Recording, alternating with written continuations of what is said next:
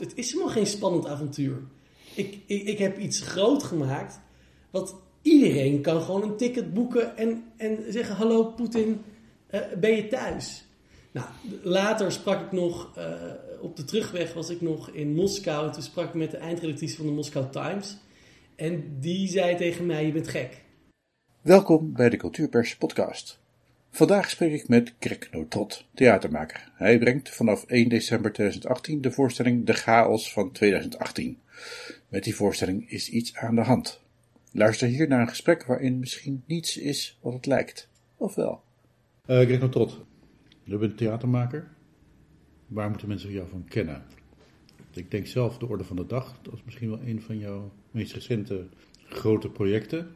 Ja, de afgelopen zeven jaar hebben wij elke laatste zondag van de maand een voorstelling gemaakt over het nieuws van, het, van de voorbije maand in één dag. Ja. Dat was de Orde, een collectief van makers. Maar ook de voorstelling die we elke zomer maken in, in Leidse Rijn, op locatie. Ehm, wat toch ook inmiddels een traditie geworden is na vijf jaar. Ja. En altijd uh, uh, bijzondere evenementen zijn.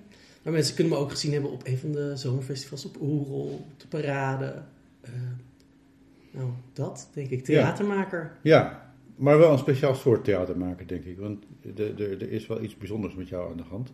Och jee. Um, nou, ik heb een aantal voorstellingen van je gezien. Ja. En uh, je speelt altijd een beetje met wat er echt is en wat er niet echt is uh, tijdens de voorstelling zelf al. Dat ding op Oerol heb ik niet gezien, maar heb ik wel over gelezen. Dat, dat was een vrij uh, uh, spraakmakend ding volgens mij. Want jij verdeelde iedere avond, moest er 1000 euro weggegeven worden. Nou, ik had, ik had de voorstelling heette De Idealisten. Ja. En het ging voor een deel over het feit dat ik mijn idealen mis. Dat ik ze zou willen hebben. Maar als ik heel eerlijk ben, ben ik een beetje cynisch geworden. Maar ik wou ze terug. En ik daagde het publiek uit om, om mij erin te helpen. En ik heb zelf wel iets meegenomen, geld. Uh, mijn eigen bankrekening. En ik had me voorgenomen om 1000 euro iedere avond weg te geven. Als het publiek mij ervan kon overtuigen dat ik met die 1000 euro ook daadwerkelijk de wereld beter kon maken. Om even een idee te krijgen van je spaarrekening, hoeveel voorstellingen? nou ja, kijk, het, het, ging om uh, tien voorstellingen, nee, negen voorstellingen. En uh, ik had natuurlijk op voorhand ook bedacht uh, wat een project ongeveer oplevert. En dat, het, dat als ik alles weg zou geven, ik iets verlies zou leiden op de inkomsten die ik anders zou genereren.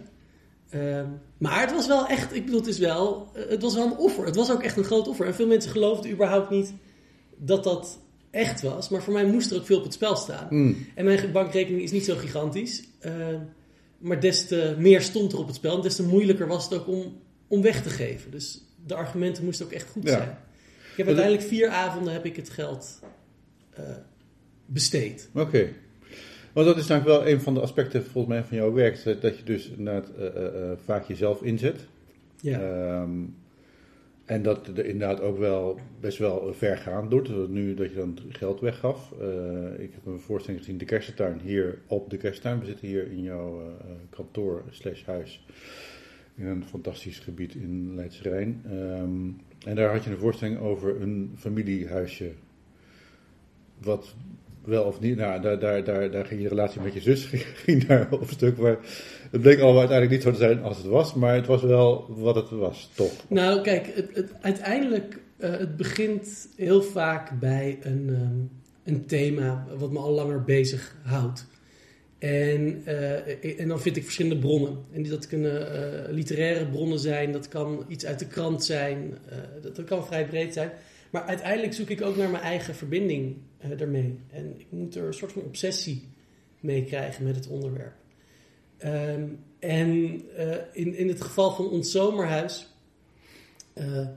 het, het werk van Tsjechov sprak me al langer aan. En vooral de vraag hoe verleden en, en, en toekomst met elkaar in gevecht gaan. Ja, want de kersttuin eventjes voor de, voor de mensen die het nog niet hebben meegekregen. Het toneelstuk van Tsjechov uit ja. 1904 meen ik. Um, en, en dat gaat over een familie die uh, in Europa het kapitaal doorheen gejaagd heeft. En nu moet het landgoed worden verkocht. En dat ja. gaat niet helemaal van harte. Nee, de oude adel die eigenlijk niks meer ja. heeft. En, en de, de oude slaaf van de familie, of de zoon eigenlijk van die slaaf, dat is de nieuwe rijke. En die, eh, die wil het landgoed heel graag kopen.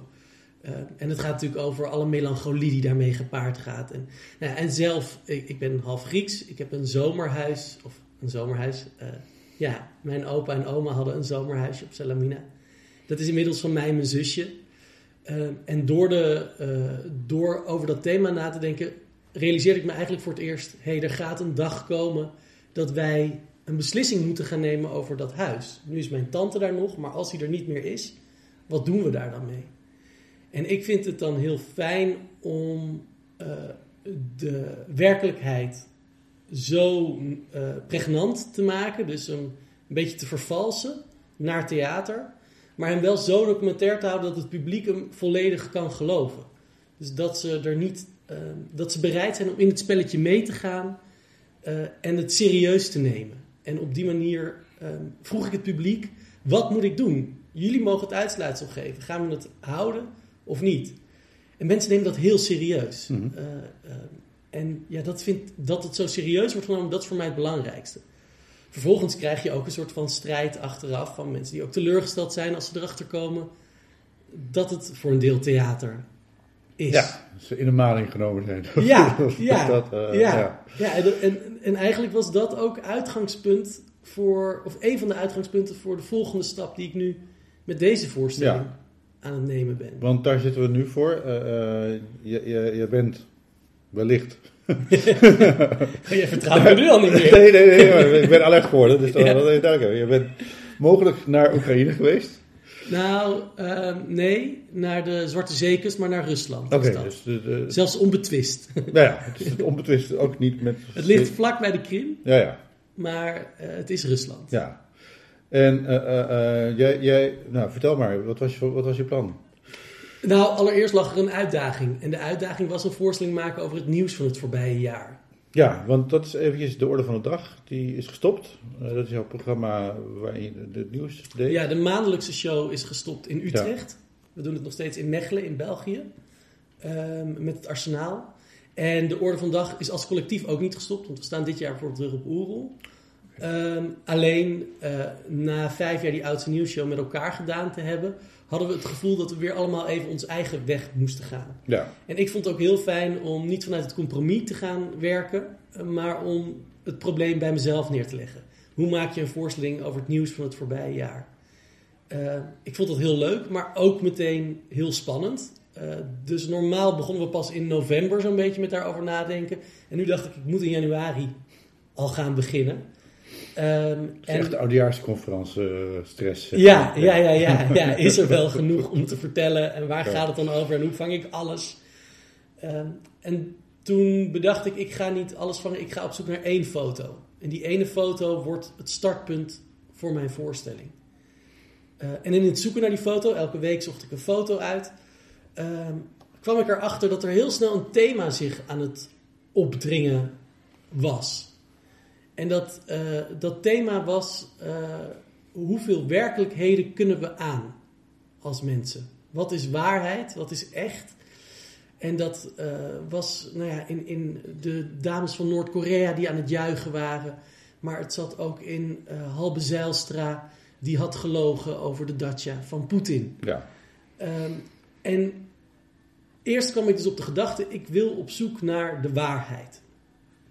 Ehm, en de tweede gedachte was: maar als ik die waarheid wil gaan vinden, waar dan? Hoe dan? Hoe voorkom ik dat de voorstelling alleen een reeks van dialogen wordt met psychologen, filosofen, journalisten die ik in mijn research heb gesproken? Ik heb een, een, een, een soort van road movie nodig Mhm. een einddoel, zodat als ik dat doel nader, ik ook dichter eh, bij het antwoord kom op de vraag: wat is waarheid? Eh, en dat einddoel, dat werd voor mij dus die dacha van Poetin, waar Halbe Zijlstra niet was. ja. Eh, dat klonk wel als iets spannends, als iets mythisch. Is iets als typisch, door trots. Precies, als iets om te doen. ja, ja. Ehm, dus dat idee was, eh, nou, da- daar vertrok dat eigenlijk. Ik moest naar die dacha van Poetin toe. Nou, vervolgens ontstonden er een aantal problemen. Waar ligt die dacha van Poetin? Want hij heeft er meerdere. Hij heeft, er, eh, hij heeft dacha's die officieel zijn, hij heeft dacha's die hij ontkent. Nou ja, wat is dan de spannendste om naartoe te gaan? Wat is de dacha waar Halbe Zijlstra niet was. Welke is dat geweest? Ja. Ehm, en, eh, en ook heel lang getwijfeld, zal ik wel gaan? Is het wel nodig om te gaan? Kan ik me niet net zo goed opsluiten in een hotelkamer en dit allemaal opzoeken via internet? En een, eh, wat, wat ik eerder ook al zei over de kersttuin. Ehm, kan ik niet die, die reis vervalsen? Zo, want ik heb hem nodig voor mijn voorstelling. Waarom zou ik echt het risico nemen? Waarom zou ik echt dat gevaar opzoeken? Ja, Nou, dat was al... legitieme vraag. Ja. ja, en zeker ook de discussies daarover met Floor. Ehm, ik zou eerst samen met Floor gaan. Dat was vanuit Floor een soort van gedachte van, nou, dan hou ik hem veilig. Maar naarmate we meer onderzoek deden, eh, maakten we onszelf ook steeds banger. Toen was juist op een gegeven moment de beslissing, nee, we moeten niet samen gaan. Want als er iets gebeurt, wie is er dan voor onze dochters? Ehm, en eh, eh, het, het grappige is, je kan jezelf heel goed gek laten maken. Want op een gegeven moment ben ik ook gaan praten met de correspondent van de Volkskrant in Rusland. En die lachte me uit. In de zin van, jij hoeft nergens bang voor te zijn. Poetin is totaal niet geïnteresseerd in een theatermaker uit Nederland. En alles wat jij nu in je hoofd haalt, dat is gewoon eh, eh, de angst en de onwetendheid van Nederlanders die Rusland alleen maar kennen eh, via de krant. Jij kan prima een ticket boeken en daar naartoe reizen. Ehm, en een van, de andere, een van de andere dingen die ik me had voorgenomen om de reis soort van veilig te maken, was om altijd eerlijk te zijn. Dus ik, mijn grootste angst was dat ik verdacht zou zijn. En ik dacht dat ik nou overal gewoon open kaart speel. Dus meteen al bij mijn visumaanvraag zeg ik kom om de dacha van Poetin te be- bezoeken die jullie ontkennen dat, eh, dat die van Poetin is. Mag dat? Dan dacht ik, ja, als ik daar al toestemming heb en als ik daar geen toestemming heb, is dat ook goed. Dan weet ik dat ook. Maar ik moet daar niet naartoe gaan op een toeristenvisum en, eh, en, en het niet vermelden. Oké. Nou, dat bleek natuurlijk helemaal niet makkelijk. Want nee, de Russen die lachen je uit aan de... Of nou ja, de eerste die ik aan de telefoon sprak, die moest lachen. En die zei, zet maar op de mail. Nou, op die mail heb ik vervolgens nooit meer antwoord gehad. En alle telefoons die ik vervolgens heb gedaan... Kreeg je alleen maar ontwijkende eh, eh, eh, antwoorden... die altijd verwezen naar datzelfde formulier... waar eigenlijk geen ruimte was om op te vermelden... wat ik kwam doen.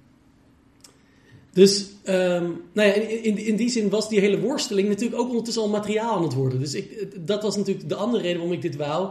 Was mijn angst als theatermaker dat ik aan het eind van het jaar geen verhaal te vertellen had. had. en nu was het verhaal zich al voor mij eh, Ja. aan, aan het maken. Ehm, nee, dus, dus zo. eh, eh, ik heb ook een tijdje het verhaal verzonnen. Dus een tijd gewoon gedacht. Eh, stel dat ik er niet kom, dan moet ik wel dat stuk hebben. Dus laat ik fantaseren over hoe het is. Laat ik kijken hoe ik de hele reis zal verlopen. Wie ik kan tegenkomen. In welke hotels ik zou kunnen verblijven. Eh, maar naarmate ik daar meer mee bezig was, naarmate ik er ook van overtuigd raakte dat ik wel echt moest gaan. Ik werd gewoon ook echt nieuwsgierig naar of mijn fantasie klopte eh, met die werkelijkheid. En dus Wijbrand, ik ben echt gegaan. Heb je jezelf niet erin gefotoshopt? ik heb mezelf er niet ingefotoshopt. Ehm nee, nee, en ik snap heel goed dat het... eh, en zelfs als je uiteindelijk weet dat ik in de dacha van Poetin ben geweest... wat ik zo kort voor, eh, hè, voor de, straks in de voorstelling vertel ik het ook meteen... dus dat is nu geen geheim meer. Mhm. Eh, maar ik, dat maakt het allemaal wel nog ongeloofwaardiger. En nog, nog meer dat je denkt, dit klopt gewoon niet. En dat was natuurlijk ook niet wat ik had bedacht dat zou gebeuren toen Hmm. ik ging. Nee. Fascinerend. Want, want, want ja, moet natuurlijk niet te veel van je voorstelling weggeven. Nee. Maar eh, nou ja, goed. het, eh, je, zelf was eh, in ieder geval ook wel tamelijk enerverend. Heb ik het gevoel. Of viel het eigenlijk enorm tegen? Was het... Nou ja, nee, heel dubbel. Nee, het, het viel ook op een bepaalde manier heel erg tegen. Hmm. Om- Omdat je natuurlijk van tevoren fantasieën erbij Ja. hebt. In mijn hoofd was het een heel groot, spannend, gevaarlijk eh, avontuur... waarbij de KGB mij in de gaten hield en mij en zijn best zou doen om te verhinderen dat ik tot aan het hek van Poetin kwam. Maar omdat ik in de praktijk eigenlijk eh, zo makkelijk mijn visum kreeg, naar Rusland mocht, mijn reis mocht voorzetten, mijn wandeling mocht maken, tot aan het hek. En zelfs toen, heel vriendelijk, dacht ik, hè, maar al die zorgen en al die angsten, dat is dus helemaal niet aan de hand. Dat is helemaal niet, dat zit alleen maar in mijn hoofd. Het is helemaal geen spannend avontuur. Ik, ik, ik heb iets groot gemaakt. Wat iedereen kan gewoon een ticket boeken en, en zeggen: Hallo Poetin, eh, ben je thuis? Nou, later sprak ik nog, eh, op de terugweg was ik nog in Moskou. Toen sprak ik met de eindredactrice van de Moscow Times. En die zei tegen mij: Je bent gek. Dit is wel degelijk heel gevaarlijk en mijn journalisten zouden niet mogen. En jouw geluk is waarschijnlijk geweest dat je heel naïef was. Ehm, dat uh, zij gewoon echt geen gevaar in je hebben gezien. En er ook geen aanleiding was om dat te denken. En je gewoon op een bepaalde manier geluk hebt gehad. Dus niet, ehm, niet echt ooit een, een dreiging bent geweest voor de, veiliging, voor de veiligheid van de president. Ja. Ja, en dan en hebben zij geen zin gehad op zondag om er iets mee Ja. te doen. Ja, en, en op deze manier komen zij er niet eens slecht vanaf. Nee, Want, het is een heel positief verhaal over ja, Rusland. Ja, over de gastvrijheid van Rusland. Over de prachtige stranden aan de Zwarte Zee. En ik kan iedereen aanraden om daar op vakantie te gaan. Ja.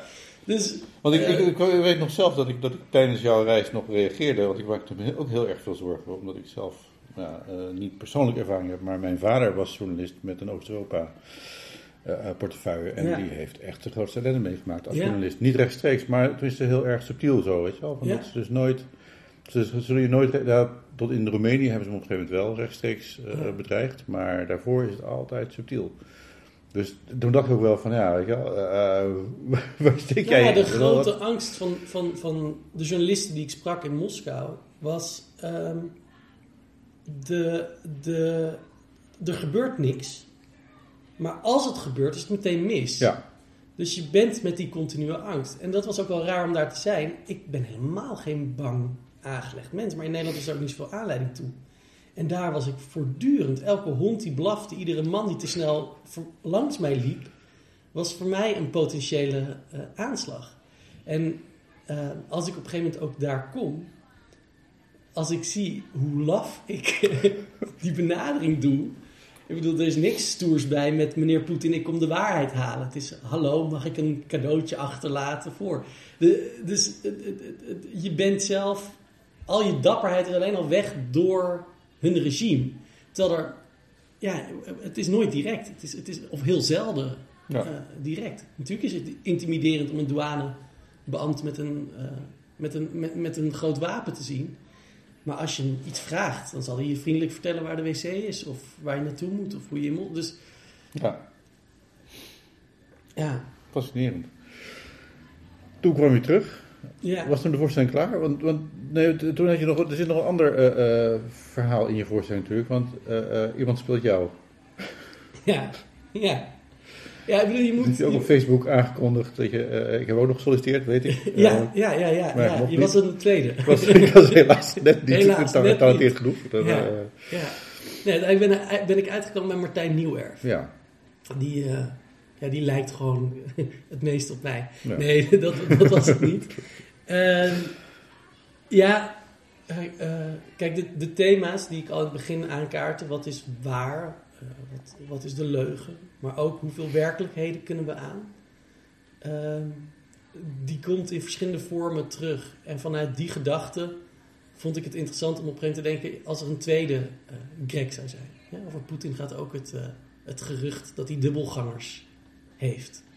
Ehm, ik, ik vond dat... eh, eh, en, aan het begin van het jaar hadden we groot nieuws. Is een van de eerste foto's die in de voorstelling zit... eh, zijn de eerste eh, primaten die gekloond zijn. Voor het eerst dat we apen wisten eh, te klonen. Nou ja, de toekomst die daar in het verschiet ligt... en waar China al heel, mee, heel ver mee is... vond ik ook een, een interessant gegeven. Dus op, op al die manieren komt dat steeds terug... En omdat ik natuurlijk zo ontzettend speel met wat waarheid is, met mijn liegen, met wat echt is, eh, eh, vond ik het daarin ook heel interessant om die vorm verder uit te zoeken. Dus nu speelt Martijn Nieuwerf mij, vertelt het verhaal voor een heel groot deel. Ik speel alle andere personages. Ik vind het soms ook heel moeilijk dat Martijn dat doet. Eh, om, omdat ik vooral, eh, om- omdat het plezier wat ik heb normaal om me te engageren met dat publiek, moet ik nu bij hem eh, voor een heel groot deel laten. Maar dat is ook heel spannend. Dus dat er over mij wordt gepraat, terwijl ik er wel ben. Maar Martijn, die heeft het over, over hem. Over, hij is Greg Nothot. Dat gelooft hij ook helemaal. Mhm. Ehm, dus dat is gewoon een extra eh, laag die daarbij zit. En het was heel grappig dat dat, dat, dat ook via Facebook eh, zo ging. Het, ik heb dat toen gedaan omdat het, de gedachte kwam pas heel laat in het proces. Ehm, en ik vond het ook heel leuk om te kijken wie er zouden reageren. Omdat ik, het had voor mij ook eh, in eerste instantie ook een vrouw mogen zijn. Dus de, de selectiecriteria waren niet per se dat het exact gelijkend of een imitatie van mij moest, eh, Mhm. moest worden. De- uiteindelijk is dat dus meer vorm. Eh, ding die heel nauw met, met de inhoud samenvalt. Ja. En, en daardoor heb ik ook de mogelijkheid om met mezelf in gesprek te gaan. Dus om mezelf te bevragen. Te zeggen, waarom wil je nou naar die datja van Poetin? Mhm. Maar wat is dat dan voor jou, die waarheid? En waarom lieg jij dan zoveel? En is dat liegen? Ja. En wat is het gevaar daarvan? Nou ja, dat soort dingen. Ja. Nou, het is, het is, het is, het is fascinerend, want ik bedoel... Nou, sorry, jij, jij bent ook weer zo goed in, in liegen dat we ook nu dan gewoon echt kunnen zeggen van ja, ik geloof alles wat je zegt, maar dan weet ik ook weer dat het nou misschien toch wel net even anders kan liggen. Ja, dat, maar dat, dat is, ja. is, is, dat, is dat ook een van de vragen die je behandelt in, eh, eh, in, in dit stuk? Want het is natuurlijk een, een, een, een fascinerend thema in je werk. ja. Maar tegelijkertijd kan ik me ook voorstellen dat het een, een, een, eh, een hinderlijk thema kan zijn als je. Ik vond jouw reportage heel interessant eerder dit jaar. ik kon er zelf niet bij zijn. Dus jij was een van de bronnen van wie ik het vernam. En dat was wat er gebeurde op het theaterfestival. nou, oké. Ehm, en daar voel je wat het gevaar kan zijn van eh, spelen met de werkelijkheid. En je publiek daarin ongewis laten. Ja. Want eventjes dan even, even Ja, refereren. misschien de, de, de opening uitleggen. speech van het theaterfestival was een Belgisch theatermaker. Die eh, opkwam met een jerrycan. En er zat een brandweerman op het toneel. En er lag heel veel hout op het toneel. En dan had je als iets van een soort spel van... Goh, gaat hij spelen met het idee dat hij de boel in de fik gaat steken en eh, zingen. En zijn verhaal was zo sterk opgebouwd dat je aan het eind dacht van... Die man kan niet anders dan nu in, een daad stellen. Ja, En eh, die heeft het misschien niet helemaal goed kortgesloten met de leiding.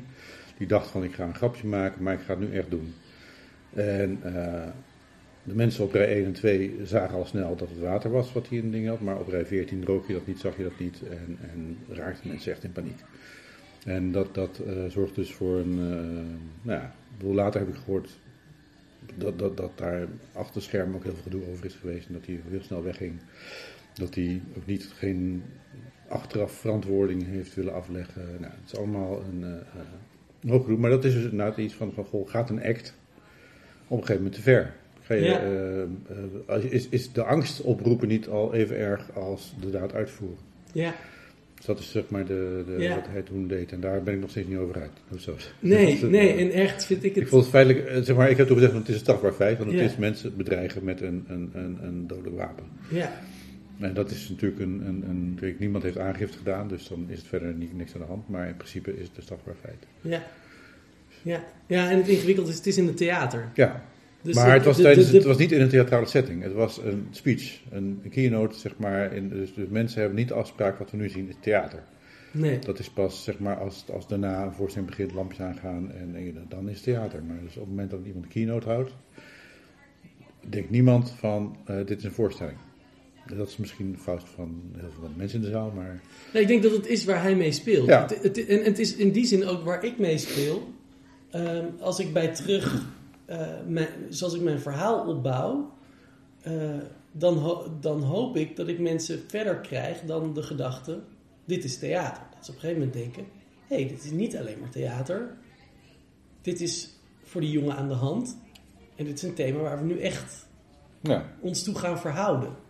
Eh, zodat, in, in mijn hoop, zodat ze van houding veranderen. Dat ze niet het over zich heen laten komen en consumeren, maar dat ze eh, op een bepaalde manier medeplichtig gaan zijn aan het denken, aan, aan, aan de gedachteoefening die we met z'n allen doen. Ehm, eh, nou ja, eh, zonder in te gaan verder op, op, op wat er bij het theaterfestival gebeurde, heel diep, want er is heel veel over te zeggen. Ik vond het waanzinnig spannend om dat mee te krijgen. En, en, en, en zijn dilemma, hoe ver ben ik bereid om te Ja. gaan voor, mijn, voor, voor, voor waar ik voor sta? Hoe activistisch zijn we nog als makers? Of ben ik uiteindelijk een, een, een brave theatermaker? Dat gegeven is, eh, wa- was wel heel spannend. Ja. Eh, Ik kreeg het verwijt na terug eh, in een recensie in de theaterkrant, die verder vrij lovend was, maar die eindigde met. En toen kwam ik erachter, tot mijn grote teleurstelling, dat het een reprise was en dat het niet allemaal echt gebeurd kan zijn wat hij vertelt. Bij de kersttuin. Ja, bij de kersttuin, ja. En, eh, en toen dacht ik, oh ja, wat grappig. Dus dat, dat blijkbaar die regel, het is theater, niet volstaat eh, om te zeggen, binnen deze, vrijple- eh, de- binnen deze vrijplaats mogen we spelen met alles wat fictie is, wat leugen is, wat eh, fantasie is. En waar houdt die... En, en, en, en, en, nou ja, eh, maar, eh, terwijl ik dat echt de vrijplaats vind. Hè? Ja. De, de hele wereld bedient zich van de leugen voortdurend. Eh, eh, politici, reclame, eh, eh, eh, maar ook eh, wetenschap, de kerk, eh, maar ook wij in ons alledaagse eh, gebruik hebben het nodig. Eh, de, de rechters hebben het eh, nodig om, om bepaalde eh, afspraken met elkaar te kunnen maken. Dus de, de leugen is een, een heel belangrijk sociaal glijmiddel. En toch is het ook iets waardoor we ons heel snel verraden voelen of in de maling genomen voelen. Eh, en, en als we mee kunnen in de droom van de fantasie en we weten dat het fantasie is, dan voelen we ons erin veilig. We willen aan de andere kant de echtheid. Dus we zoeken ook naar eh, eh, de thrill van de realities en van het nieuws. En, en, en dat consumeren we bijna als, als goede verhalen die nog spannender zijn omdat ze echt zijn. Maar we willen er ook niet in belazerd worden. Ja. Dus dat is een heel ingewikkeld gegeven. En ook nu met de voorstelling eh, is het inderdaad de vraag: hoe ver gaat, gaat mijn voorstelling? Speelt mijn voorstelling zich af ehm, tijdens de 90 minuten? Of ook nu in ons gesprek? Eh, als jij zegt: Ik, ik, ik wil je heel graag geloven, Ja, maar ik ben alert. Dan heeft hij dus ook zijn consequenties daarbuiten. En dan. Eh, moet ik daar ook over nadenken? Vind ik het vervelend als ik Wijbrand nu in de maling zou nemen? Is dat anders in de maling nemen dan in de voorstelling? En mag ik dat doen omdat het thema is? Of moet ik me eh, hier houden aan de regels die gelden buiten het theater? Eh, nou ja, dat, eh, dat soort vragen. Ik liep hier de deur uit toen ik naar Rusland zou gaan en ik kreeg direct een telefoontje van het AD. Die hadden een paar dagen eerder een, een, een ehm, hoe heet dat? Een, eh, een, nieuws, eh, een persbericht van ons ontvangen. En die belde. En ik was er niet zo op, op bewust. Het was, het was acht uur 's ochtends. En, eh, en toen dacht ik, welk verhaal kan ik vertellen nu tegen deze man? Ehm, moet ik gewoon mijn reis vertellen zoals ik die ga maken? Maar ik kan, ik kan dat verhaal groter maken. Ik kan het kleiner maken. Ik kan vertellen wat ik wil. Welke verantwoordelijkheid heb ik daarin? En uiteindelijk vertel ik gewoon de reis die ik ga maken. Maar al die gedachten ben ik me wel door deze voorstelling en door deze tijd super bewust van. En het, eh, dat was natuurlijk voor mij een van de dingen waarom ik die waarheid ook wou onderzoeken. Eh, niet alleen omdat het een thema is in mijn werk, maar omdat het een thema is van deze tijd. Eh, ik heb me altijd met liefde bediend van de leugen. Martijn zegt op een gegeven moment in de voorstelling, dat is niet in zin van mij, maar van hem. eh, theatermakers, dat zijn de loodgieters van de leugen. Eh, en het publiek wil ons geloven. Maar een van de andere vragen is, maar als de rest van de wereld zo eh, voortdurend de fictie, de fantasie en de leugen gebruikt om zichzelf staande te houden, hoe kunnen wij dan, wat kunnen wij dan in het theater daar nog naast zetten? Wat, wat moet ik nog met Trump en, en Poetin? Die zijn al veel grotesker, fantastischer en theatraler dan ik. Dus moet ik dan voor het eerst het liegen stoppen? Moet ik echter worden? Ehm, nou ja. Eh, Dat zijn goede vragen. ja, Ja, dat, ja. dat zijn de vragen waar, waar deze voorstelling zich omheen eh, bouwt. Ik moet een beetje oppassen dat ik niet gewoon de voorstelling... Nou ja, nee, nee, maar het- in even van. Ik ben zelf, eh, eh, ja, ik, ik, met podcast maken heb je ook een. ik bedoel, eh, eh, het kan best zijn dat omdat er storende geluiden van Klaas op tafel mee zit, dat ik er een cafégeluid onder zit. Ja, Dan zitten wij opeens in een café, Ja. terwijl we eigenlijk al die tijd gewoon in jouw prachtige woonkamer zitten. ja, ja, of niet. Of ik, of ik bedoel, er, jij zegt nu dat we in, in mijn prachtige woonkamer ja, zitten. bijvoorbeeld, nee, maar we kunnen ook aan zee zitten. Kan er nu aan zee zitten, ja. Dat is, eh, dus de, er, er is altijd van allerlei mogelijkheden. Er gebeurt natuurlijk van alles om geluid mooier te maken. Welkom in Rusland, Wijnand. Wat goed dat je de moeite hebt genomen om mij hier op te zoeken. Ja, als je op de tassen van Poetin met vier KGB-officieren daar. Ja. Dat zijn, ja, en die pistool op je hoofd moeten we verder ook maar gewoon laten zitten. Dus dat, Negeer die. Dat gaat heel goed in Rusland. Ja. Nee, maar ik, ja, ehm, ik, ik, eh, eh, ik Nou ja, en in het maken is. eh, wat jij nu omschrijft, is ook het, het maakproces. Eh, het is heel grappig. Ik heb ehm, dingen geschreven in Rusland. Eh, en dan op een gegeven moment kom ik hier en dan deel ik ze met Martijn en met Daniel, de regisseur. En die vinden het dan of te complex, of te lang, of. en dan moet ik dus om die reden de waarheid naar een theatraliteit schrappen. Dan moet ik hem versimpelen, dan moet ik hem dan moet ik doen wat journalisten ook moeten om hun artikel eh, of, hun, of een reportage tot de juiste eh, lengte te krijgen. En, en die versimpeling is al een aanslag op eh, de waarheid. En, en, je, nou en je legt nog wat filters over. Eh, dus het is, het, is voortdurend de strijd van het goede verhaal eh, in de beste vorm, die het beste volgen is tegenover de, de, de complexiteit, de nuance, eh, die wolliger is, die ingewikkelder is, die misschien op een gegeven moment niet meer gehoord wordt, omdat die dan eh, te lang wordt en niet aantrekkelijk is. Ja, daar hebben we dus allemaal eh, mee te maken. Ja. Dat is natuurlijk een beroemde zin uit Shakespeare. als dit theater was, dan zou ik het verwerpen als belachelijke fictie. Ja, ja, Het is toch een Ja. regelmatig terugkerende zin. ja, ja. De stukken van Shakespeare nu voor in... Volgens mij is Like It of zo. Maar goed, het is, het is een... eh, Ja, een hele goede zin. Ja. Volgens mij komt er nu die literatuur ook wel voor dat ze zeggen, van, ja, dit, dit, is zo, dit is zo erg dat kan je niet verzinnen, maar als... Ja, Ja. Ja, en, en zodra je aan het, eh, het- Ik had op een gegeven moment ook wel. eh, ik had natuurlijk van tevoren scènes geschreven in, in, in mijn. eh, in het nadenken over hoe die reis zou zijn. Want die reis was ook heel laat. Die reis heb ik eind oktober gemaakt. Ja. Ehm, en dan hoop je ook dat je een aantal van de personages die je hebt verzonnen tegenkomt. Dus je gaat ook actief op zoek. Soms wil je dat mensen iets gaan zeggen wat je personages eerder al hebben gezegd. Ik heb op een gegeven moment een gesprek gehad met een psycholoog eh, van een uur. Ik ben nog nooit bij een psycholoog geweest, maar ik vond dat heel leuk omdat ik in dit stuk mezelf bij een psycholoog had geschreven om ook echt bij een psycholoog te gaan zitten. En eh, toen vond ik het ingewikkeld. Wat moet ik die scène nou aanpassen op wat zij echt heeft gezegd? Want wat zij heeft gezegd is veel interessanter en, eh, en, en, en waarder. En, en waar we op uitgaan was echt... Maar ja, de scène was al wel gewoon goed. Dus ehm, het, dat, dat, dat, dat, de, de strijd met de waarheid en het vormgeven van een verhaal op de best mogelijke manier is nog altijd aanwezig. Ook nu de laatste week naar de première. En, eh, en, en, en waarschijnlijk zelfs elke avond nog. Ik, ik hoop dat de, dat, dat de momenten die ingebouwd zijn om het ook nog op de avond echt te laten zijn, dat die ook eh, stand houden. Want dat is natuurlijk het belachelijke. Ik ga op zoek naar waarheid en eerlijkheid en daarvoor ga ik iets vormgeven. Eigenlijk zou ik moeten zeggen, ik geef niks vorm. Geen decor, geen Martijn.